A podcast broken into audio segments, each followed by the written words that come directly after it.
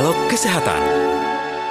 Terima kasih pendengar dan kita lanjutkan kebersamaan kita untuk pagi hari ini. Kali ini kami ajak Anda untuk masuk dalam sesi dialog layanan kesehatan kerjasama Fakultas Kedokteran Universitas Indonesia dan RRI.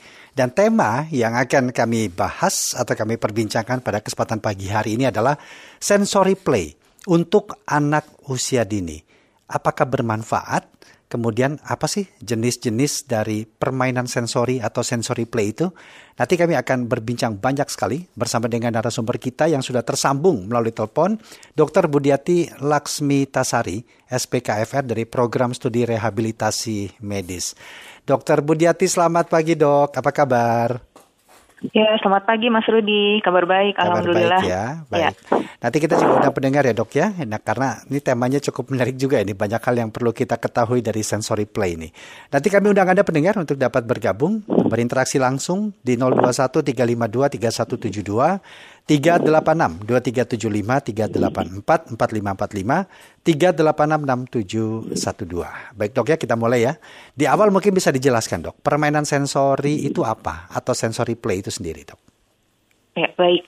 Uh, jadi kalau dari katanya kan terdiri dari sensori atau sensoris dan play dan bermain. Mhm. Nah, kalau bermain itu kalau dari kamus ya, kalau nggak salah dari KPBI itu adalah melakukan sesuatu yang menyenangkan, Iya. baik dengan alat maupun tidak. Sementara kalau sensori itu bahasa lain eh, secara awam adalah indera atau organ tubuh yang berperan dalam menerima atau memproses informasi Oke. dari lingkungan. Ya, ya. Sementara kalau digabung, sensory play atau bermain sensori itu adalah memberikan stimulasi atau rangsangan pada satu atau lebih indera anak melalui aktivitas bermain yang menyenangkan. Mhm, Gitu kalau dari definisinya. Definisi artinya seperti itu dok ya. Nah, Seperti itu. ya kira-kira yang atau mungkin bisa dijelaskan juga dok, yang masuk dalam permainan sensori atau sensory play itu bentuk permainan seperti apa aja nih dok? Iya. Kalau yang sudah cukup populer di kalangan uh, orang tua ya, ini kebanyakan memang lebih uh, terkait dengan taktil ya atau rabaan. Oke. seperti ya, iya, Ya, ya, itu ya. yang populer. Namun sebenarnya aspek dari sensori atau indera itu tidak hanya taktil atau rabaan. Memang Mhm, taktil itu termasuk organ sensori yang cukup besar ya, karena kulit itu kan permukaannya besar. Mhm. Namun ada juga yang lain seperti visual, uh, penglihatan, auditori, pendengaran, kemudian Hmm. olfaktori, penciuman, pengecapan juga. Nah, selain panca indera ada lagi dua lagi yaitu vestibular atau gerakan, kemudian proprioseptif atau posisi tubuh atau sendi. Nah, itu semua bisa distimulasi melalui bermain sensori. Jadi tidak hanya dengan meraba tekstur-tekstur bervariasi namun bisa dengan cara yang lain. Oke. Itu cukup banyak uh, variasi caranya. Jadi mengajarkan atau melakukan gerak yang sensor tadi seperti meraba itu juga salah satu utamanya dok ya yang bisa di, dilakukan dalam permainan ini. Nah, kenapa hal ini di, dianggap penting untuk anak usia dini dok? Ya, baik. Kalau dari definisi anak usia dini itu kan 0 sampai 6 tahun ya. Ya. Sementara periode tersebut perkembangan itu uh, masih dalam periode yang cukup baik perkembangan. Sementara untuk memahami pentingnya sensory play ini, kita juga harus tahu pentingnya pemrosesan sensori atau yang disebut juga sensor integrasi pada anak. Oke. Nah, kalau Nah, kenapa pemrosesan sensori ini penting? Karena saat anak saat uh, mereka berinteraksi, berkomunikasi, berperilaku dan melakukan aktivitas sehari-hari, nah otak itu melakukan pemrosesan sensori berdasarkan uh, apa yang ditangkap informasi dari lingkungan oleh indera, kemudian anak mampu memberikan respon yang sesuai. Nah, jika proses sensor integrasinya tidak berjalan dengan baik, maka anak tidak mampu menangkap dengan baik informasi dari lingkungan dengan sesuai atau efektif. Sehingga respon perilakunya menjadi tidak sesuai juga. Contohnya anak menjadi tampaknya hiperaktif, kemudian kurang fokus, kemudian Ya, ya. seperti masalah perilaku, terlambat komunikasi, sulit Oke. makan, dan lain-lain. Ya. Seperti itu. Itu Jadi salah, salah satunya ya dampak dari hal-hal yang tadi disampaikan. Baik. Iya. Ya, kita undang lagi pendengar dok ya untuk dapat Baik. berinteraksi di 021 352 3172 386 2375 384 4545 386 6712. Dok, kalau eh, saya baru kepikir dok, ada Ya. kata sensorik berarti ada kata motorik dong dok ya. Perbedaannya apa? Mungkin bisa disampaikan dok. Baik, sensori dan motorik ini memang sangat terkait karena motorik itu kan adalah uh, respon berikutnya setelah anak menangkap informasi dari lingkungan atau sensori tersebut. Jadi motorik itu adalah produk ya, seperti produknya. Sensori itu adalah input informasi yang diterima dari lingkungan, inputnya masuk ke susunan saraf, kemudian diproses di susunan saraf pusat, nah okay. menghasilkan output motorik yang sesuai jika ya, pemrosesannya ya, ya, sesuai. Namun jika tidak sesuai pemrosesannya, tidak berjalan dengan baik, maka input motoriknya menjadi kurang baik juga.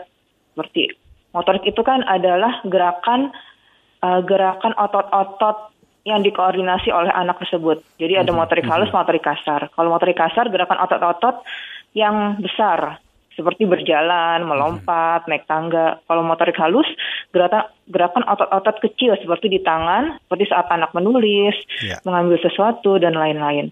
Nah, jika prosesan sensornya tidak baik, maka anak dapat uh, mengalami kesulitan dalam melakukan gerakan motorik tersebut. Hmm, ya, baik. adakah uh, tahapan yang diberikan dalam hmm. sensory play ini kepada tergantung dari usia anak usia dini? Seperti apa iya. uh, porsinya lah, dok? untuk untuk Baik. bisa memberikan hal ini? Bagaimana? Ya, bagus sekali pertanyaannya. Hmm. Memang ini harus disesuaikan dengan periode perkembangan anak.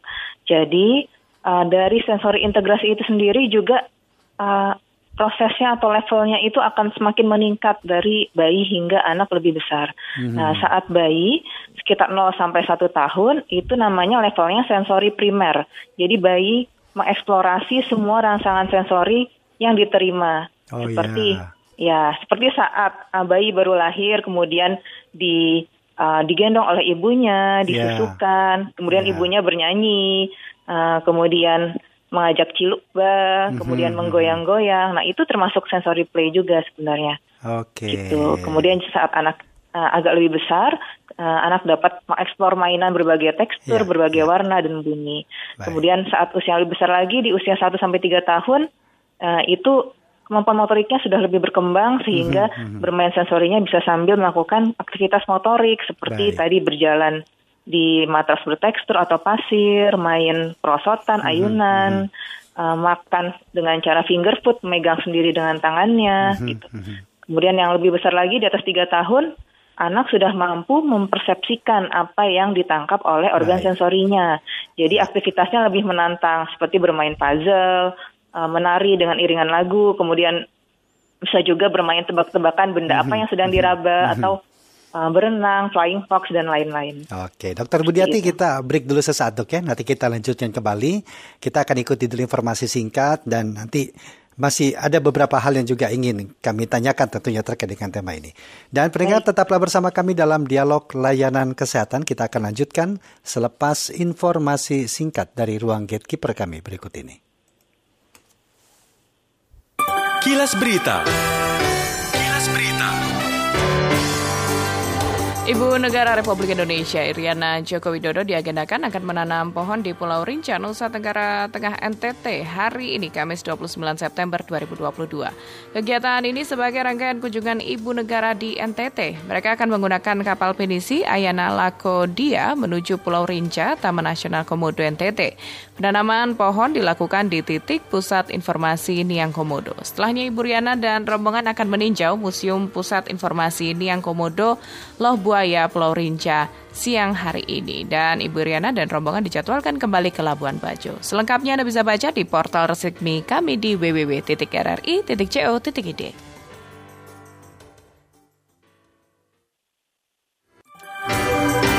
Kilas Berita Pro 3 Jaringan Berita Nasional Dialog Kesehatan Baik pendengar kita lanjutkan dialog layanan kesehatan dengan tema kita sensory play untuk anak usia dini apakah bermanfaat bersama dengan Dr. Budiati Laksmi Tasari SPKFR dari program studi rehabilitasi medis. Anda masih dapat bergabung bersama kami dalam perbincangan kami di pagi hari ini. Dok kita lanjutkan dok ya. Tadi sudah dikatakan uh, porsi yang tepat sesuai dengan uh, kondisi atau pertumbuhan anak terkait dengan materi atau permainan sensori tadi. Nah, apakah itu satu-satunya cara yang bisa dilakukan untuk mengembangkan sensori anak atau seorang anak, dok?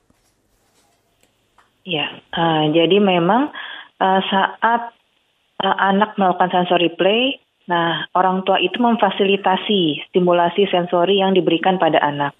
Sebenarnya uh, di luar itu dalam aktivitas sehari-hari anak, yeah. anak juga uh, mengalami stimulasi sensori ya. Ya saat anak sedang makan, sedang mandi, pakai baju, sedang dipijit oleh orang tua, itu sebenarnya juga terdapat stimulasi sensori mm -hmm. uh, dari aktivitas sehari-hari. Namun kalau uh, konteksnya adalah sensory play, maka orang tua secara khusus memfasilitasi anak uh, memberikan stimulasi yeah. sensori uh, dengan permainan atau aktivitas yang menyenangkan gitu. Hmm, Jadi sebenarnya okay. tidak dari sensory play saja dari aktivitas sehari-hari juga bisa juga anak, ya. Iya, betul iya. sekali. Tapi seorang ibu hmm. atau orang tua uh, mungkin tidak memahami atau bahkan mengetahui uh, progres dari uh, sensory play atau perkembangan sensori seorang anak itu sendiri. Iya. Ya, betul sekali. Jadi uh, anak bisa jadi memang pemerasan sensorinya itu dalam batas normal, jadi tidak ada kelainan dan sesuai dengan anak-anak uh, yang tipikal ya. Yeah. Namun bisa saja bisa saja ternyata anak tersebut sebenarnya mengalami gangguan pemrosesan sensori. Yeah. Nah, itu kita perlu uh, mewaspadai atau perlu ada uh, observasi, okay. terutama saat aktivitas sehari-hari, apakah ada kecurigaan gangguan pemrosesan sensori. Mm -hmm. Nah, mhm. kecurigaan tersebut antara lain Contohnya saat anak bereaksi berlebihan, padahal stimulus yang diberikan itu biasa saja gitu, okay, seperti yeah. diberikan makanan uh, buah. Nah, buah itu kan aromanya biasa saja, namun uh-huh. dia tampak baru disodorkan saja sudah tampak sangat mual, mau muntah, yeah. dan bisa jadi bisa jadi dia ada sensitivitas yang berlebihan terhadap aroma makanan itu, okay. atau saat anak sedang dipakaikan baju, baju uh, bahan kain wool, nah ia sangat tidak nyaman, rewel, ya, mungkin ya. saja dia juga sensitif terhadap sentuhan tersebut. Nah itu oh, perlu okay. dievaluasi lebih lanjut. Nah, ketika orang tua me mencurigai kondisi seperti itu, apa yang perlu dilakukan? Apakah ini memang betul-betul ada uh, gangguan sensori terhadap seorang anak atau hanya hal yang lumrah saja bisa dilatih untuk ke depannya? Bagaimana dok? Kalau menurut saya memang hal tersebut perlu untuk dievaluasi lebih lanjut. Mm-hmm. Karena tadi terkait dengan sangat pentingnya pemerasan sensori pada anak untuk tahap perkembangan yang optimal, maka jika ada kecurigaan gangguan sensori, maka baiknya anak diperiksakan uh, ke dokter yang terkait gitu. Mm-hmm. Jadi mhm. dokter akan mengevaluasi lebih lanjut bagaimana tipe-tipe perluasan sensori pada anak tersebut, kemudian dapat memberikan edukasi uh, bagaimana seharusnya sensori play dilakukan oleh orang tua, atau bahkan jika memang dibutuhkan, mungkin saja anak membutuhkan terapi khusus untuk sensori ini, mm-hmm. yang mm-hmm. ada salah satunya adalah namanya sensori integrasi, oh, seperti itu. Okay. Ya. Saya juga pernah dengar dok bahwa permainan sensori yang diberikan kepada anak itu akan sangat menjadi stimulus untuk kecerdasan otak seorang anak itu sendiri. Betul nggak itu dok? Ya, betul sekali. Hmm. Karena uh, saat periode anak usia dini ini adalah proses perkembangan otak yang sangat baik, terutama pada tiga tahun pertama. Ya. Nah, saat prosesan proses perkembangan otak, nah itu terjadi penyambungan sinaps-sinaps atau sel-sel otak ya antar sel-sel otak.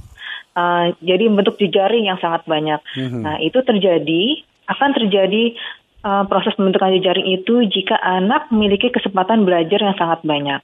Nah, kesempatan belajar yang optimal uh, akan terjadi secara efektif jika anak mampu mendapatkan stimulasi yang cukup, kemudian juga dapat memproses uh, sensori tersebut dengan baik dan hmm. uh, menghasilkan respon yang sesuai. Jadi memang tadi itu tadi jadi stimulasi sensori sangat penting untuk proses kesempatan belajar anak yeah, sehingga yeah. melatih perkembangan otak sehingga pada akhirnya meningkatkan perkembangan kognitif atau kecerdasan. Hmm, artinya orang tua nggak usah takut lagi dok ya kalau rumahnya berantakan, oh, mainannya betul. berantakan. nah itu juga saya. Saya langsung keinget ya ke saya dokter menjelaskan seperti gitu, memperkenalkan benda-benda meraba, kemudian iya. ini artinya kalau selama ini kan takutnya berantakan. Itu gimana dok? Biasanya ini yang yang mungkin menjadi permasalahan orang tua ini gimana? Sekarang dan anak zaman dulu mungkin ya. Dan terkait yeah, iya. pandemi yeah. juga mungkin hmm. kalau anak zaman dulu kita ya misalnya saat kecil kan banyak dibiarkan bermain di halaman yeah. di kampung, yeah. terus uh, tidak memakai alas kaki, kemudian hmm. banyak megang berbagai benda, benda di alam di lingkungan yeah. gitu ya. Hmm. Jadi uh, itu justru malah sebagai uh, sebagai kesempatan yang baik untuk stimulasi sensori oh, atau sensori play. Iya. iya, jadi memang jangan takut kotor dan jangan takut berantakan. Ah, itu pesannya. Bedanya anak zaman dulu punya privilege yang berbeda dibanding anak zaman iya. sekarang, dok ya. Oke, okay. dok terakhir mungkin ada yang bisa dokter sampaikan buat kita semua terkait dengan perhatian kita kepada anak kita sendiri. Seperti apa sih dok, terutama dalam uh, sensory play atau permainan sensori itu sendiri. Silakan, dokter Budiati. Ya baik. Jadi uh, sensory play itu dapat melatih kemampuan pemrosesan sensori pada anak sehingga pada akhirnya anak mampu menerima informasi dari lingkungannya dengan baik dan berespon secara sesuai. Nah, ini dapat meningkatkan kemampuan belajar dan mengoptimalkan perkembangan. Namun, perlu diwaspadai jika anak tampak tidak nyaman dalam aktivitas sensori play atau ada kecurigaan gangguan sensori, maka anak perlu dievaluasi lebih lanjut. Nah, kami sebagai dokter uh, spesialis kedokteran fisik rehabilitasi, khususnya yang pediatri, dapat membantu dalam asesmen lebih lanjut jika okay. anak dicurigai gangguan sensori. Begitu. Ya, baik ya. kalau begitu. Dokter Budiadi terima kasih banyak dok ya sudah meluangkan ya. waktu berbincang dalam dialog kesehatan pada pagi hari ini. Semoga bermanfaat dan nanti kita bertemu lagi dok ya di lain waktu baik. dengan tema yang berbeda. Terima kasih terima dokter. Kasih kembali. Selamat pagi, ya, salam sehat, salam tangguh dok. Ya, salam sehat. Demikian tadi dialog layanan kesehatan kerjasama FKUI dan RRI dengan tema kita Sensory Play untuk anak usia dini. Apakah bermanfaat? Bersama dengan Dr. Budiati Laksmitasari SPKFR dari Program Studi Rehabilitasi Medis. Dialog Kesehatan